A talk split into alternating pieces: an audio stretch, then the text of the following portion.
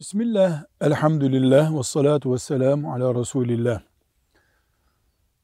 Erkek de kadın da Müslüman değildiler karı koca olarak. Sonra Müslüman oldular.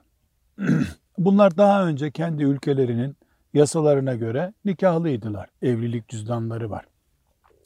Müslüman olunca nikah tazelemeleri gerekmez. Eski nikahları onların nikahı olarak devam eder.